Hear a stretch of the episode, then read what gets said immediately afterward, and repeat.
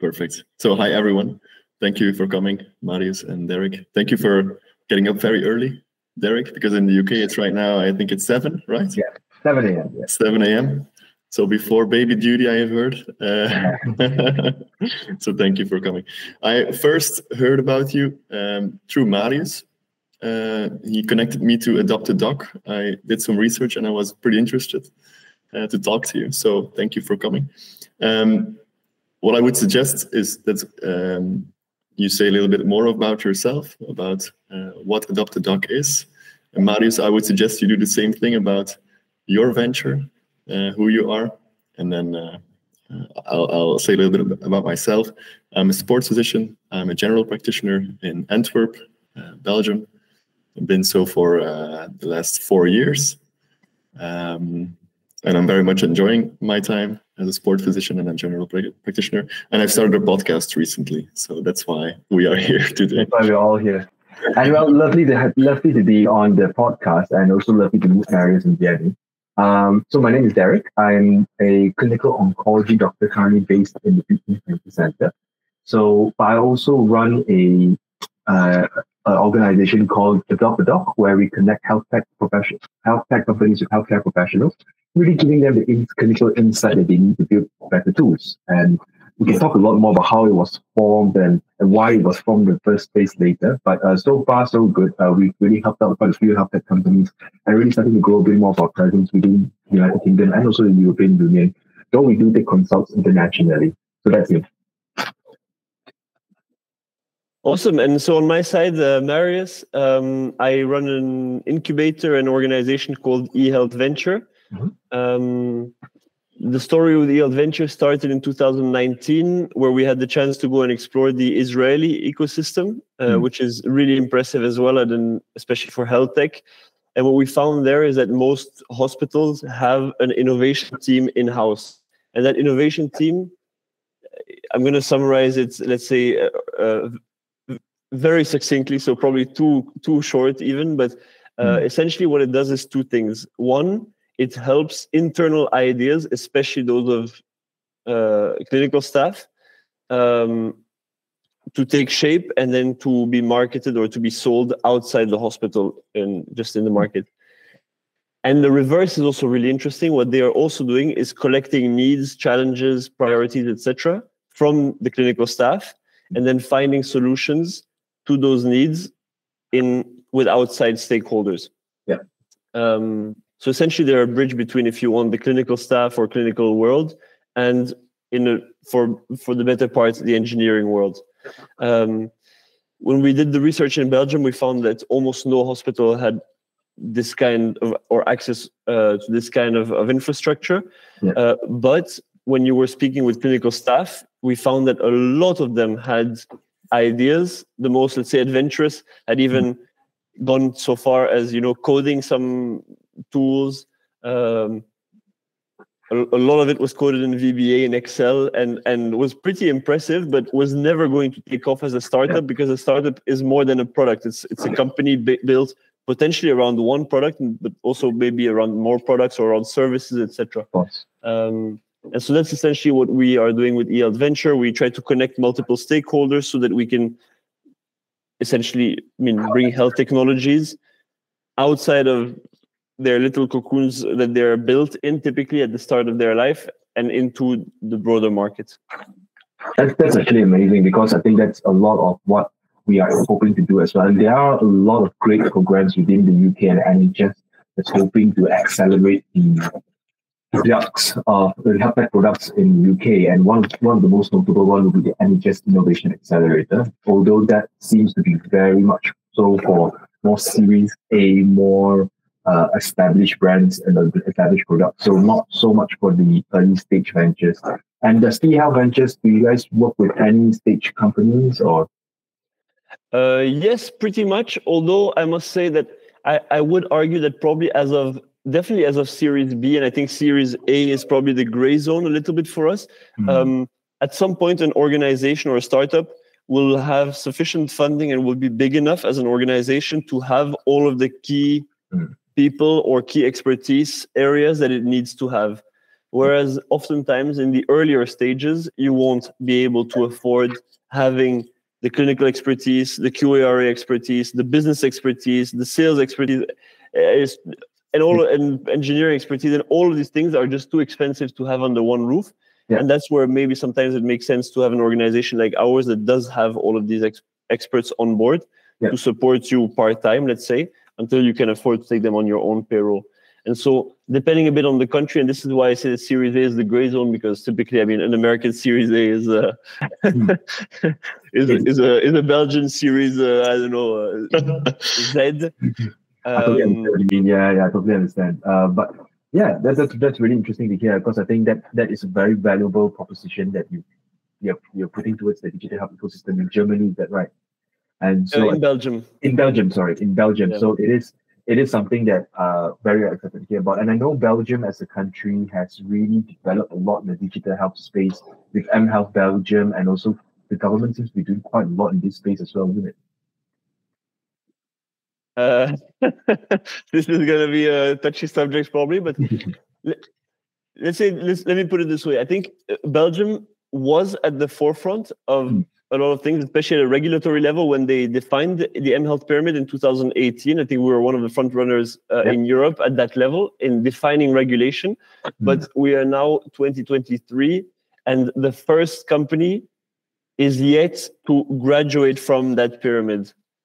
Um, um, okay. So I think it was there was probably some nice momentum at the very beginning, but that never actually materialized in what it should have materialized into. Mm. Um, so, in that respect, I actually, I mean, I, to be completely honest with you, in our pitch in eHealth Venture, when we go to organizations and so on, we typically speak of Belgium as a laggard in digital health. Okay. When it comes to the actual, let's say, the outcomes that you would typically look at the number mm. of startups founded the the funding that goes into these startups etc etc there you will find that belgium in the broader sense the benelux area is actually a laggard compared to many other regions uh, of europe i think oh, that's actually very interesting because uh, you know you hear a lot of things you read a lot of things but obviously you guys know exactly what's going down on the ground itself. So thanks thanks for sharing the experience. Yeah yeah my pleasure. But it, and I'm not, I'm not surprised because a lot of reports will look at whether a country will try to categorize countries based on what they have in place mm. um, and versus what they don't. And typically a regulatory framework for access for, for reimbursement of m health tools will be one of the first things that will pop up on the report. And so in that respect i mean officially belgium does have one. And so that's why oftentimes we'll be you know put in that category of oh we are at the front of. Yeah. But again uh, yeah, yeah, in terms of outcomes we're not uh, not where we should be yet unfortunately. Interesting. And I know we, we see that germany has the DiGA and also I've spoken to a few Germany startup founders, high startup founders, and even they tell me that hmm, the DiGA is actually really expensive to be on, and it's actually quite challenging for them to really sustain and stay on the DiGA, and they're often just getting out of the system, doing something else altogether. Uh, France have recently launched Pecan as well, and I'm not too sure how that's going, but I think that's very brand new as well. So everyone's all eyes on them as well. But I think the United Kingdom, we don't exactly have a national reimbursement system as well. So we're always just looking towards to the European neighbors and like, hmm, is there something we can learn from them? We used to have had something, but then that, that went away. So I think as a general, and you know, the United States is still very much fragmented as well. So I think we are all still very much trying to learn what's going on right now and what's, what's the best approach forward. So, so Derrick, um, if I understand correctly, adopt a doc mm-hmm. connects a doctor with a company. Yeah. The company is searching for someone in, in the clinical space. Yes. How did you get that ID, or how did you? So it all it's actually a very funny story. So we all know Chat GPT came up in November 2022, and you know, like every single doctor was like, "Oh, this is such an interesting thing. Let's see if we can do something fun on it." So I came on to LinkedIn, uh, really just try to connect with more AI engineers and try to connect with more people in the ecosystem. And when I just came upon it, I, I was reading a lot of research, and one of the one of the research from the European Union said that 87% of all AI algorithms never make it past publication. So. They just they just sit down in a nice paper, but they never get used in the clinical setting. And one of the biggest reasons they they quoted this was the lack of stakeholder involvement. So they've not actually spoken to the doctors and nurses who will be using these tools. So you know, one day when I when I just started, I think one month into LinkedIn, I just put up a picture of myself, a selfie of myself, and just say, "Hey, my name is Derrick. I'm a doctor in the United Kingdom, and uh, you know, we really need to work together to build something up, to build something that's worthwhile for healthcare. And feel free to reach out to me if you want to. And back then, I only had like 50 followers in LinkedIn. But very surprisingly, in that month, six different companies reached out to me, including pharma as well. I was like, hmm, something sounds interesting here. So I went on to buy a domain name, adopt, adopt, adopt.com uh, for one pound. And, uh, and, and, and that week, I had six people reach out to me on that one week. Mm-hmm. And now, nowadays, we are getting probably six or six or seven every two or three days, you know. So we, we really just started snowballing from there. And a very powerful experience I've had was I went to a very big conference, in a very big radiology AI conference. And I went there to speak to a few people. You know, I had an AI idea I was thinking about, but the vast majority of people were not interested in the AI idea. The vast majority of people were very interested in Adopt a Doc as a concept and an idea because a lot of them has mentioned that this is such a pain point within the industry. When I started off doing this, coming to this health tech world, I naively believed that all health tech companies will have had some clinical input, will have had some hands-on support. And boy, was I wrong because uh, the, the vast majority of people that we consult are often from a tech and commercial background. So they do have a lot of knowledge of how to build software and softwares. They know how to sell softwares, but they don't really have that kind of clinical input that they need to to well actually build something that, that will fit into the current clinical pathway and also market it to clinicians, health trusts. They have no idea how the clinical pathway works. So that's what's really been fueling uh, the need for Adopt a Doc. Essentially, the world has told me to do this, and therefore I'm doing it. Yeah, yeah, nice. And how, like, what's the necessity, or how can a doctor specifically help a company with, oh, with that kind of journey?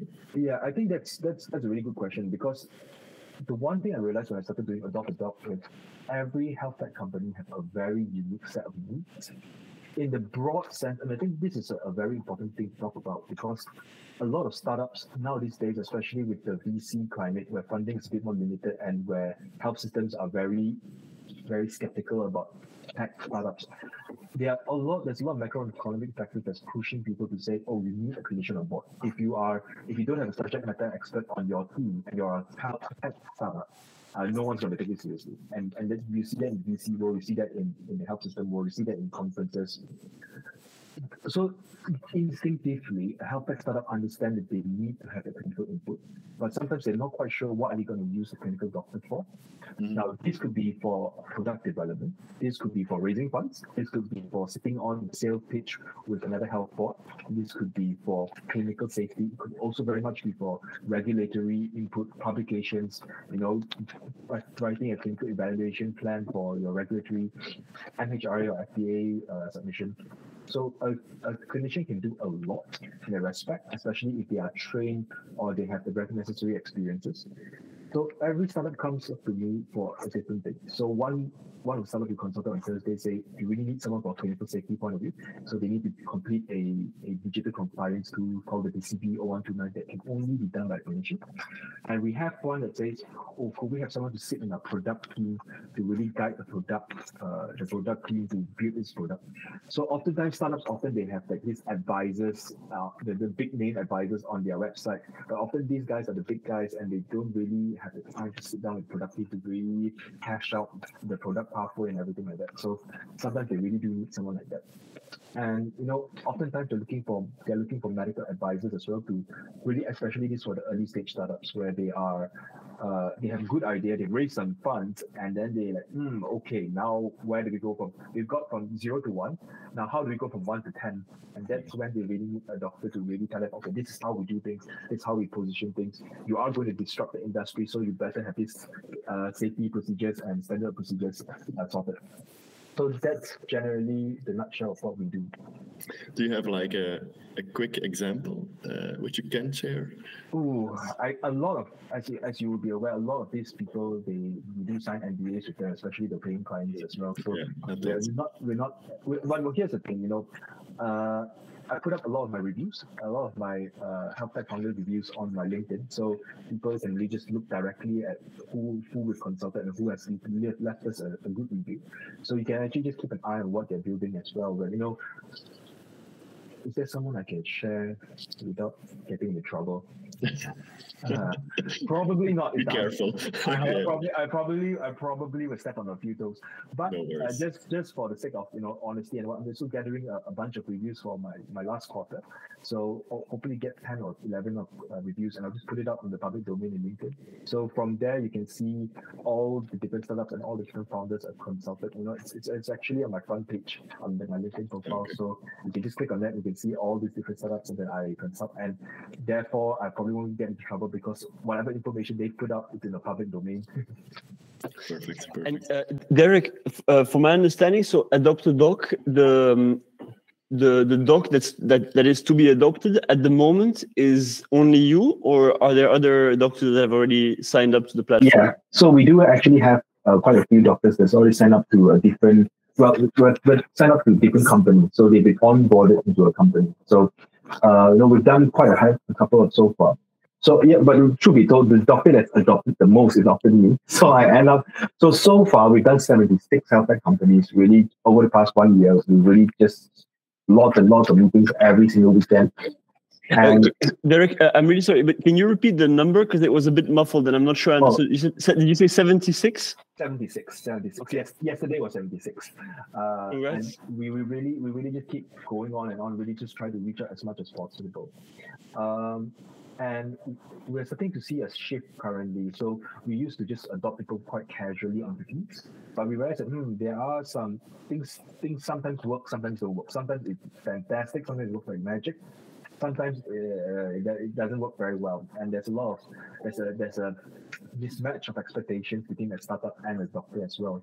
So we're starting to move towards a, a more more a more paid model, a more substantial model that that actually has configured sort of contracts and sort of uh, NDAs and indemnity for the physician as well, because that way both sides both parties are more more at, at ease with what they are expecting from each other.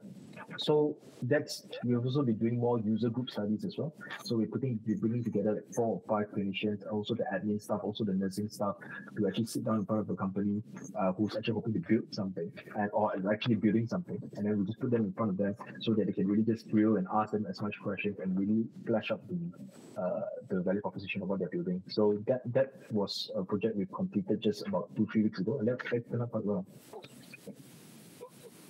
Awesome. if you if you have to make like the perfect avatar for a doctor to connect to a company what kind of doctor or what kind of personality what kind of skills does one need to join adopt a doc Well, it's not really about. So we're currently we're currently limiting our clinician network for now. So we do have a team of 15 to 16 uh, active clinicians in Adopt a Doc, but we are and, and also as a broader network, we have about 150 to 200 uh, doctors in our, in our, broader network, direct broader network.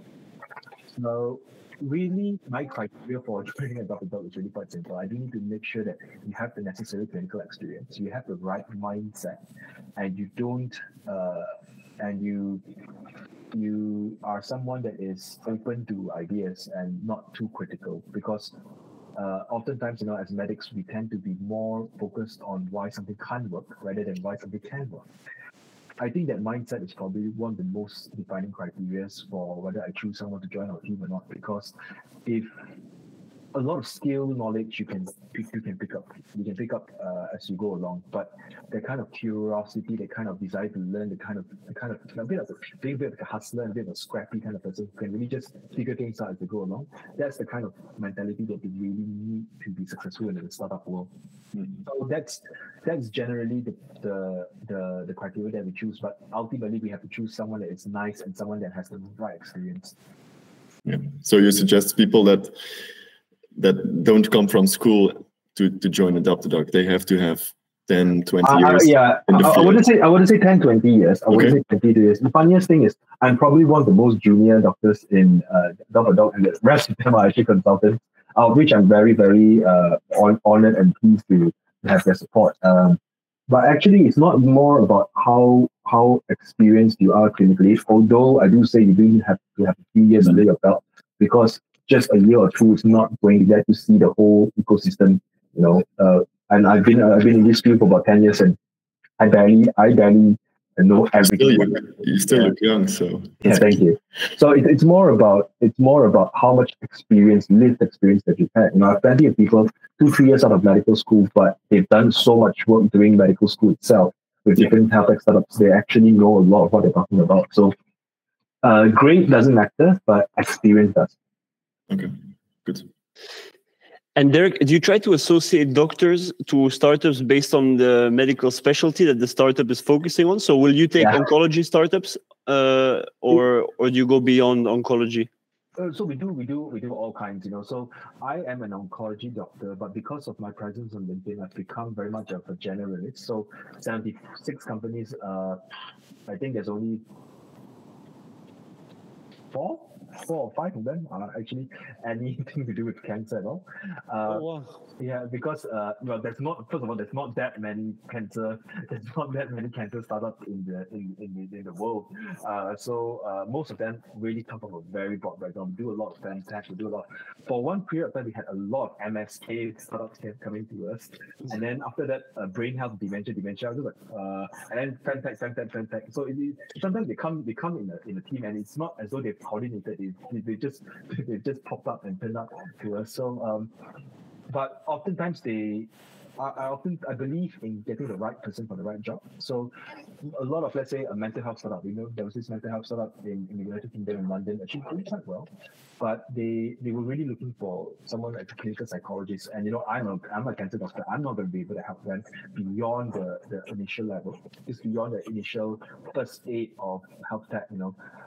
So I often, like a GP, like a general practitioner, I'll always try to say, okay, I refer you to, let's say, Dr. Faith Medegler, who's uh, a, consultant psychiatrist, and I'll let you have a chat with Faith and see where you can go, move on with her. And oftentimes I have to find the right person for the right job. And what's very funny recently that's happened quite interestingly as well is uh, we get quite a lot of international companies coming up to us. And one of my friends is Preston Alexander. He's quite big on LinkedIn as well. He's trying to build something. And he was telling me that, oh, I need someone in Portland and it needs to be in this spec- specific specialty. I was like, oh, okay. Um, all right, I'll try to look it for you. And within 20 minutes, I found someone and I connected them and it was like, hey, you guys, you guys should meet up and talk. And you know, that actually worked out very well. And they actually started to starting to work together to build up a very successful start, hopefully build up a very successful startup. And she shouted me out on LinkedIn and that went up to 4,000 likes. So I was like, hmm, all right, interesting. And then the next day, my inbox exploded and I had six people on my, on my, on my inbox asking to use. So sometimes sometimes it's all about finding the right person for the right job and you can't you can't force a square block into a, a round know. Mhm. Is it something that can keep can be combined with clinical work still, or is it it's like a full time job that you do? No, no, this is I'm I'm, I'm working full time as a clinical oncologist. So Okay. all meetings as you can as you can as you can well you you guys are part of it right now because uh, I do all my meetings at weekdays nights or weekend very early in the morning because I have a child. So I do I do try to only do it in the weekends and that's why I can't exactly move as fast as I would like to because uh, there is there is full time job and full time dad that's uh, being as one doing but it's still something that can that keeps me going. That's why I have meetings booked up till January. Wow. Wow. Hustling. Yeah. And uh, Derrick, Yes, so so sorry for asking uh, potentially a, a very very direct and, and invasive question, but um, it's going to be a two part question. Sure. Adopt the Doc. What kind of legal structure is it? Is it a company or is it a charity or? So uh, I'll, I'll, I'll just clarify that very clearly for, for all of us and us, of course, for leaders as well. So Adopt a Doc is a social organization. So very much we are a we're very much we have a social model where we connect doctors with other companies. However, we also have a legal entity that we fall under. So there is a, a, a one of our direct partners, a very close partners, is called the Medical Consulting Group, or for short, we call it the MCG. So I always like to pitch to the, to the different companies, and especially one of my good friends, Dr. Thomas Max, who's the managing director of the MCG. I often bring him in our meetings as well, especially for the more important, more intense uh, companies that really do some deliverables done, and not just a very simple medical advisor. They do like something done by date A. I'll bring Thomas on the board and we'll say, you know, Adopt a Doc is the social arm of medical consulting group. Okay. We we we do a lot of our work. Some we started off doing a lot of our work for pro bono, so we do a lot of work for free, really helping the people, the early stage startups. Ah, okay. For, for free, uh, in this in the initial phase. But now with the great with the traction that we've gained and the kind of clientele we attract right now, we we're starting to get a lot more paid work as well. So when we are when there's actually paid work to be done, we will we'll then switch over, actually switch mode into the MCG, and MCG really then delivers on the job. And so far so good. We've actually actually completed about three or four jobs together. So that I think that's a that's a that's a model that's working very well. Adopt a Doc is very much top of funnel for the sales, top of sales funnel. We, we are very visible. We, we get we get approached a lot of founders, and we we I, I personally out what's suitable, what's not so suitable. Mm, the truth of the matter, and I think this, I think you will understand this, Marius, as well. A lot of early stage healthcare founders do not have money. That is the truth. You know, a lot of them don't quite have the necessary funds to to to connect with, let's say, a very high profile doctor or get them to work for 10, 20, 30 hours. But I don't think that's necessarily a barrier to prevent them from meeting the right people because this for these small guys to end up success, succeeding, they do need that initial help. Even though it is maybe for free, maybe maybe maybe for, for very cheap, they need they do need that that support in the initial stages. And it's our investment in the people and the companies that they end up raising funds and they come back to us and to help. We ask for more help. And we've actually seen this happen over the past year. So, but to be fair, most of them don't actually reach that that stage. You know, so it's a bit of a gamble who you invest in. So you really do have to, to be very careful about okay, this is someone suitable, this is someone not so suitable. Okay, because the the, re- the reason I ask is um, that it, let's say in in our or in my experience at eHealth Venture. Um, it hasn't been the case that every clinician each time is asking us for some kind of compensation for their time. So we have had, I would even say, a lot of clinicians who accepted to consult or spend a, or you know dedicate a bit of time to us for free. But I would say that a majority of clinicians will, at some point in the conversation, explain that obviously and, and yeah. I totally understand and respect that that their time is limited that obviously i mean they bill uh, yeah. patients for their time you know so their time is is money let's say uh, and so at some point in the conversation they will yeah. ask you know what the compensation will be and generally although it's not oftentimes explained as explicitly as what i'm about to say what they will at least expect is to be compensated for what they would have earned if they had, if they were seeing patients yeah. instead. Yeah. Um, and I completely understand your point, and, and I do see a lot of value in having just being able to have these even short conversations. I think a lot of health tech startups would benefit from this. Um, but I can imagine that if you would pay a doctor at the rate that they would earn with patients, yeah. that, that bill can can you know can get very high, very quickly. yeah, exactly. And, and, you know, uh, so let me just really just share our experience of how we do things as well. So I, uh, there's a line that we draw, you know. So I'm always very happy to take an introductory call with a company. You know, in fact, I'm meeting two of them today, and I'm very happy to sit down, have a chat. You know, just just making friends, making that the genuine social connection with someone. Because I guess because I'm a doctor, I'm very biased that way. I do love, I do love speaking to people. I do love connecting with people, and I think that's very very rewarding. So very happy to have a chat, talk through, you know, ideate, ideate, ideate. Um, but there's there comes a line that's that strong when they start to say, "Oh, can you then help me review my product? Can you give me critical feedback? Could you please write out some content for us? Could you endorse us for this? Could you mind?" Uh, you know, I've had once a company put my name on a very national, very large national accelerator uh, without me knowing, and I was like, "Wait, wait, wait, wait! Again, I I don't even remember that you guys are applying for this program in the first place. So can you please take me off because the program director know who, who I am. So I'm like, yo yo yo, you got to you got to you got to you, let's let's be reasonable here. So um, that does happen. That does happen. You know, I I respect I understand it. Startup founders, they're hustlers, they're go getters. They need to get as much help as they can early on. But we do draw a line. We do draw a line. And just to give you an example as well. So the the kind of quoting that we do we do is that uh, a consultant level, a consultant level clinician. So let's say a consultant ONG, you know, who's actually uh, fully qualified, 10 years, you know, 10, 30 years of experience. The kind of the kind of quotes that will they'll give at least 200 to 300 pounds an hour. Uh, and that's great within great, great within trial. And you know, this is this can be a very large expense for a startup. You know, essentially that's how much lawyers charge. A lawyer will charge you 250 pounds about an hour ish. So that's the that's the that's the first big barrier to collaboration.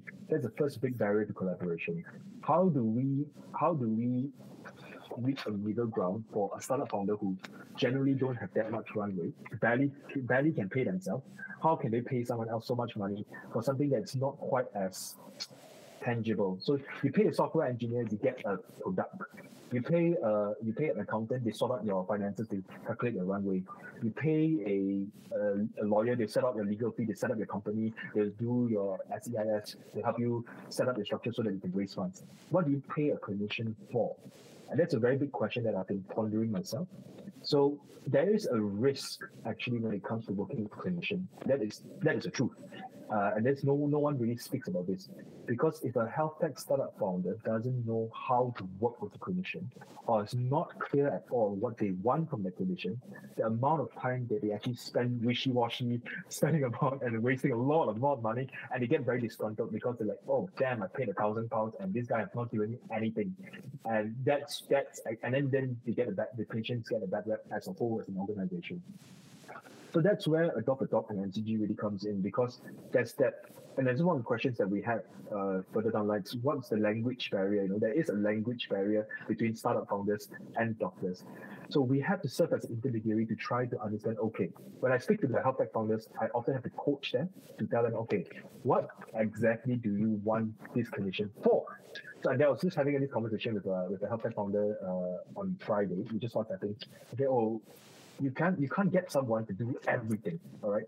And you say oh i want this guy for two hours a week but i want them to sort out our content creation. I want them to sort out our clinical safety bit. I want to get them to come sit in our our sales board. I'm just like you're, you're going to struggle really hard to find someone to do all these things because it's going to scare them off a lot and a lot of them will not know exactly at all what they're talking about I've always coached tell them, especially in initial stage, do define the job scope a little bit more. So don't don't try to boil the ocean. Try to figure out, okay, this is the one deliverable that I really must need I have to get this clinician for.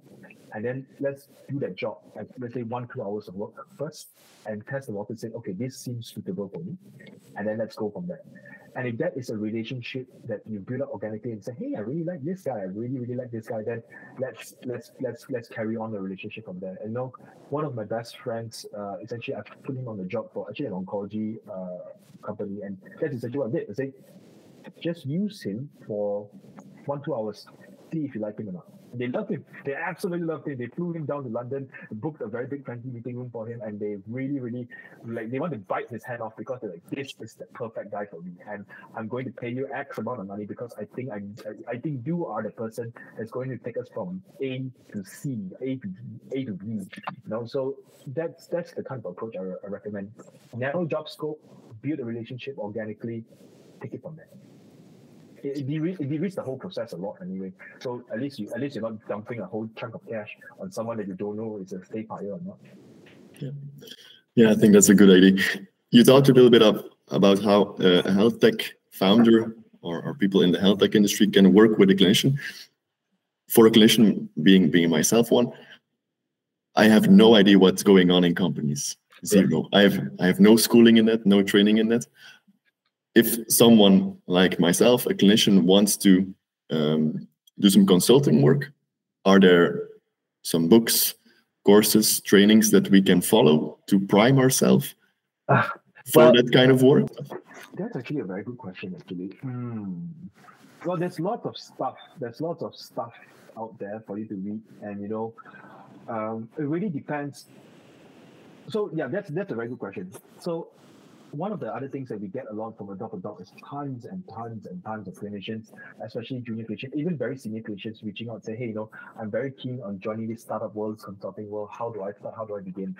And it's a huge topic. It's a huge topic. So I'll list out a few interesting companies to look out for. And because these are the people that actually do quite a few programs. So the one, the most famous on-brand company will be called Byte Labs the Byte Labs Health Tech Fellowship in the United Kingdom. They've really just started about one, two years ago, but they're very popular. So it, at a very basic level, it gets you in the commercial ready mindset. We also have Medix Footprint.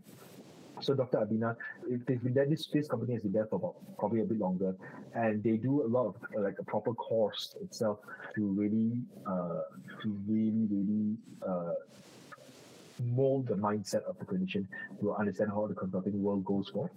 Uh, but actually, consulting is a very I mean, consulting and medical advisory is actually a super broad term. What is it actually? What is it exactly? It, it's it's a very vague concept that I don't think people really understand what it means. So what I always recommend for people to do if they're interested in this field is to really follow what they're interested in. So say you're interested in sports medicine. So obviously you know very well what sports medicine is but also to see okay what is the added value that I can bring to the to the to the game. And this is when you start to speak the language of the company. Instead of saying I'm a consulting company, is it is it product management that you're better at? Is it clinical safety? Is it regulations that you're, that interests you more? Is it uh, is it sales that interests you more? Is it procurement that interests you more? It's having that second hybrid skill that what makes you attractive. A clinician as an individual person is it's good, it's important, but it's still a bit too vague for the company to really bite onto you. So you know the friend I told you about that well got that really got accepted and adopted and hired by the, the cancer company. He has a dual skill set. You know, he is a very brilliant oncologist, but he's also a software engineer so he knows how to code and he and this is not just a, a, simple doctor who codes he had 10 years of uh, engineering experience before he became a doctor. So mm. having that dual diverse skill set really sets you up as different as compared to the thousands of doctors on linkedin saying oh i want to do medical advisory work. It's like what is your unique skill set that you bring to the company that can solve a business critical problem? That is what that is what i think will set people up. So that's that's my general advice Brilliant. Yeah, thanks. In at eHealth Venture, we call these kinds of profiles unicorns. Unicorns, exactly. I, I call it, I call it that as well. I exactly call it that. I, I often the the the, the start they, uh, they they come to me and say, so the, describe the ideal clinician profile bracket the unicorn clinician that you're looking for. But to be fair, sometimes these unicorn clinicians are really hard to find. You know, you want to find the exact person in the exact specialty with the exact skill set you're asking for. It's like playing a game of it's just playing a very highly improbable game. But sometimes you try to find the, the nearest nearest person that you can get. But sometimes you'd be surprised. The world is big. You might find someone that's that's quite suitable. Um, Derrick, maybe to to follow on to Johnny's question, it, it, might be a little bit repetitive to what you've already answered, but um, I'm really impressed that that you, as a clinical oncologist, spend so much time in you know improbable times of the day as well you know with these startups trying to in a first and what they're working on and then coaching them or guiding them advise them on okay this is unclear to me or you know this yeah. could be better etc especially in with early stage startups i don't know if if if for you it's the same but it, if i look at the startups that come into eHealth Venture i would i would argue that a, a solid 20 to 25% of them after the fifth sentence. And I hope I don't get you know killed for, for what I'm about to say, but after the fifth sentence, I will have something like, well, this person is really, really late to the game, or like there is really nothing novel in what I'm hearing here, or you know, I have no clue how I can turn this or I can help this person make a successful company from this. Like um, so and and and then and that brings me back to what you were mentioning earlier of you know ha- needing to have this curiosity this intellectual curiosity of you know what are these people working on so, so what is it for you personally that that makes you spend or dedicate All so much hours. time to these Yeah. Uh, so first of all, Marius, I completely feel that. I think I'm sure we can have a few beers and few coffee just talking about about what you've just initially described. You know, it's very it's a topic of great great amusement to me sometimes. Uh, a lot of health tech founders that I spoke speak to, you know, because they are all from very tech and very commercial uh, background, and they don't really understand healthcare very well. They're all, first of all, I must I must pre-qualify by saying all these health tech founders and innovators, they're all very lovely people. They are only in this sector because they want to really help. Is not a, a very easy sector to penetrate. So you really need to be a bit a bit crazy, a bit noble to want to work in this field. But a lot of times, the truth of the matter, I believe in being honest. I believe in being critical in the early stage, because an honest feedback is what's going to help someone and stop someone from wasting a crap ton of time, six months building something, or 100, 200,000 of their runway building something that no one so the amount of times I actually had to rip certain companies' ideas to shreds and to really break them down to tell them, okay, this will just not work because of what you're just describing. This is not how healthcare works at all, you know. And I'm coming from a healthcare perspective. I'm not even not even talking about the commercial bit, you know. And we all bring together a different parts of the puzzles. You know, if something just isn't viable from a clinical setting and is not what doctors want or clinicians want, especially if it pitch as a as a clinician uh, tool, then we we certainly cannot proceed from that point of view, and you need to rejig your value and really think about how you're going to approach things in the first place. You know, so that's one thing. As to what's my main motivator, as to what's my main motivator, and why I'm still doing this after one full year, uh, it's it's really just the passion and really the interest. You know, it's one of those things that I'm really excited. Every day when I wake up, like, oh, it's 7 a.m. call, I wake up at 6 a.m. just to sit down and, and, and have a chat because it's very exciting speaking to uh, different health tech founders and really being able to make a real impact for them. So if you can see through the reviews that I have on, on Adopt a Doc, you know, they're always they're always glowing reviews because I always bring all of me to that to these meetings and really understand, okay, how can we help? How where are you? What are you doing? Where I think there's challenges, where are where are the things that I can connect you with the right people, you know? It's very satisfying what I, I do. I personally find out personal satisfaction. I also think it's very important uh, I believe that for healthcare innovation to succeed, we all need to come together. And it's not just the tech side, it's not just the commercial side, the medical side, the regulation side, the government sector, the private sector, the funding sector. Everyone really had to come together so that we can build something that that's worthwhile. If not, if everyone just trying to do their own thing on their own side, I've you've seen this as well, Marius. Bunch of clinicians very passionate about what they do, trying to build something on their own, and then it's just an Excel sheet or some very simple line of code, and they just stop right there because they from how do they go from building something or maybe even running a, a small little project in, in a hospital thing, how do they go from transforming that product that's that works in one healthcare sector to one that can be commercialized, that can go through the QARA, the MHRA, the FDA regulations, to go through procurement sales, to go through intellectual property, to go through setting up a company, paying people, raising money. That whole ecosystem is massive, you know. We all bring our individual piece to the puzzle, and I feel that I, I am an important piece of the puzzle, but just still one piece.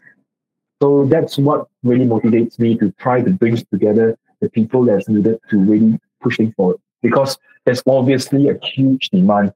Judging by my inbox, uh, there's, there's still a massive demand, and not just not just in uh, not just in the United Kingdom or the European Union. You know, we get lots from the African continent, which is very important. We get a lot from India, which is also very important. We get some from Australia, quite a few lot from the United States, not surprisingly, and but the majority from the United Kingdom, and one from Israel as well, by the way. Uh, uh, one from Israel as well. Uh, I, that was the weirdest conversation I had. I, I was talking to the lady, and then a bomb went off the background. That was the that was the exact day the Hamas attack. I was like, ah! and she was just telling me, oh, you know, there's, a war going on. I was like, what? There's a bomb that just went off the background. What is it? You need to stop this call. I think this is there's more important things to worry about right now. Yeah, so I just like, that was that was a bizarre experience, man.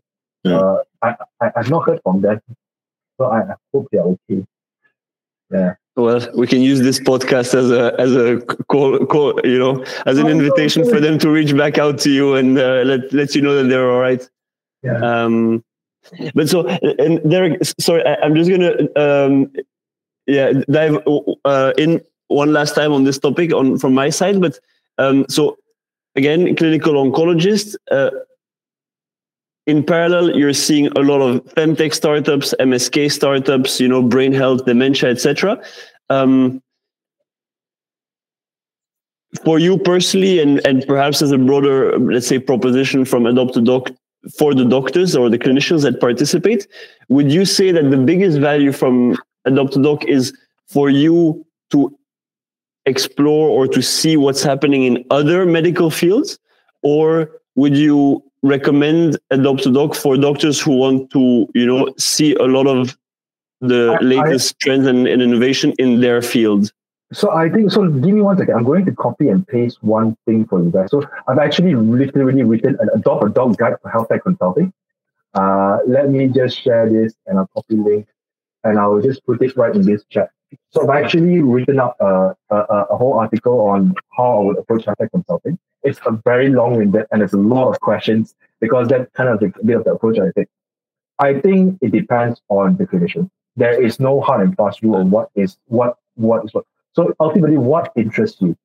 For me, I have unfortunately had to sit in a very generalist role, and I think I do quite like that. I do quite like doing a lot of different things. Uh, I've been I've been asked to sit in a very generalist role because I have to because for Adopt a Doc and the company it's not just oncology companies that come up with me. It's often all these other people. So, but the funny thing is, there is a formula to this. There is a formula to this. The when I've done when I've done so many consultation, I realized that actually there is a pattern to this thing. Every healthcare company, yes, they have their own unique proposition in a unique area. So let's say I am building a tool for endometriosis in the in the free stem health area, or I'm building a tool for rehabilitation post sports injury, you know, uh, or post uh, post uh, uh, orthopedic surgery. Okay, I'm building something for that. So we all look at this sounds like completely different, completely different uh, products. But if you actually look, look, look back and look at it, okay, so you're asking the same few questions. What is your intended use? Who is supposed to use this? What setting are you supposed to use this? Is this pre, post during diagnosis? Is it pre, post uh, seeing a doctor? Uh, where, what, what kind of input will your product give? What kind of input does the doctor have to put into this product? Where does this product actually sit in their general workflow? Is it integrated into their current workflow? Is it a standalone program? Do they have to? Is this who are you selling to? Are you selling to employees? Are you selling to? Uh, are you selling to health system? Are you selling to private doctors? Private clinic? And all these basic questions really are very important because it determines very immediately what kind of regulation and what kind of compliance that you have to go through. So, like, is this a medical device? That's a big first question.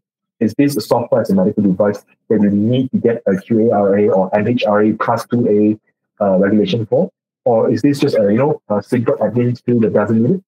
Uh, is this going to be used in a healthcare setting and that will, in the UK, you know, there's the DTAC, there's the DCB 0129, there's all these uh, things that you need to put in. Is this going to use, uh, do you need GDPR for it?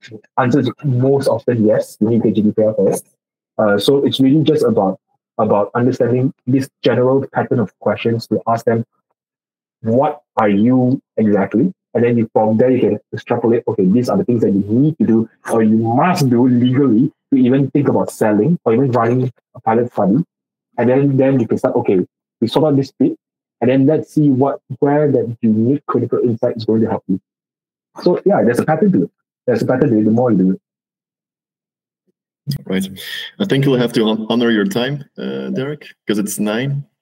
That's Yeah. right, right? Yeah, it's nine already. So thanks. So- Actually, it's eight o'clock here, but uh, Oh, eight, yeah, sorry. yeah, yeah. But I think I can hear my baby crying outside, so I probably should head off soon.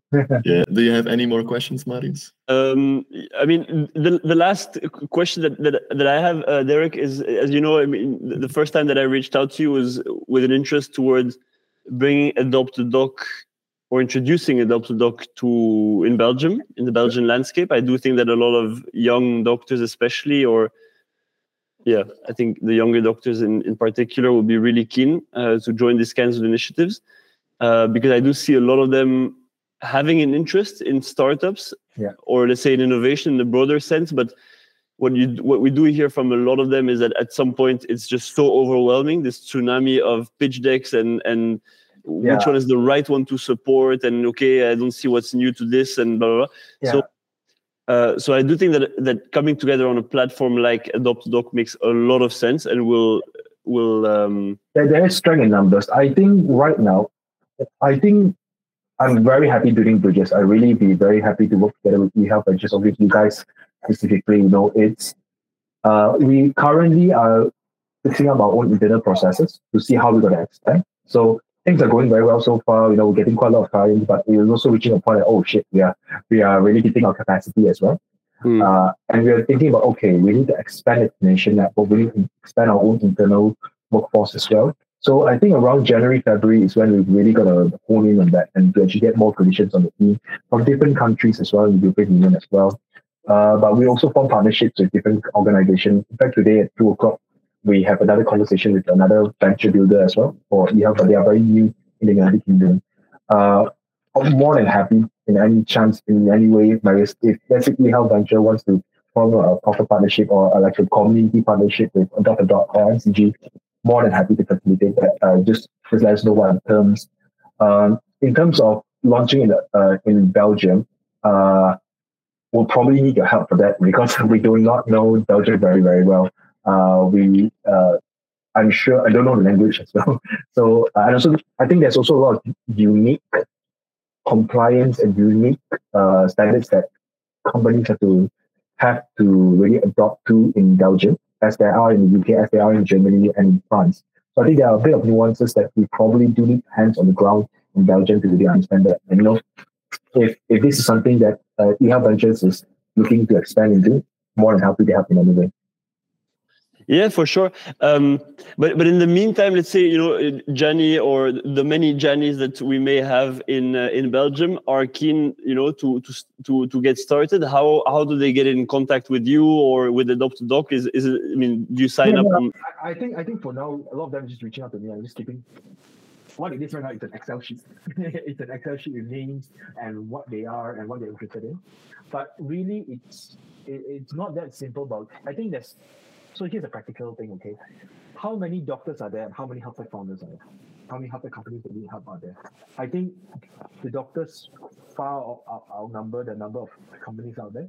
And oftentimes, we there's no point in building up a huge community of doctors only to have no nothing for them to do.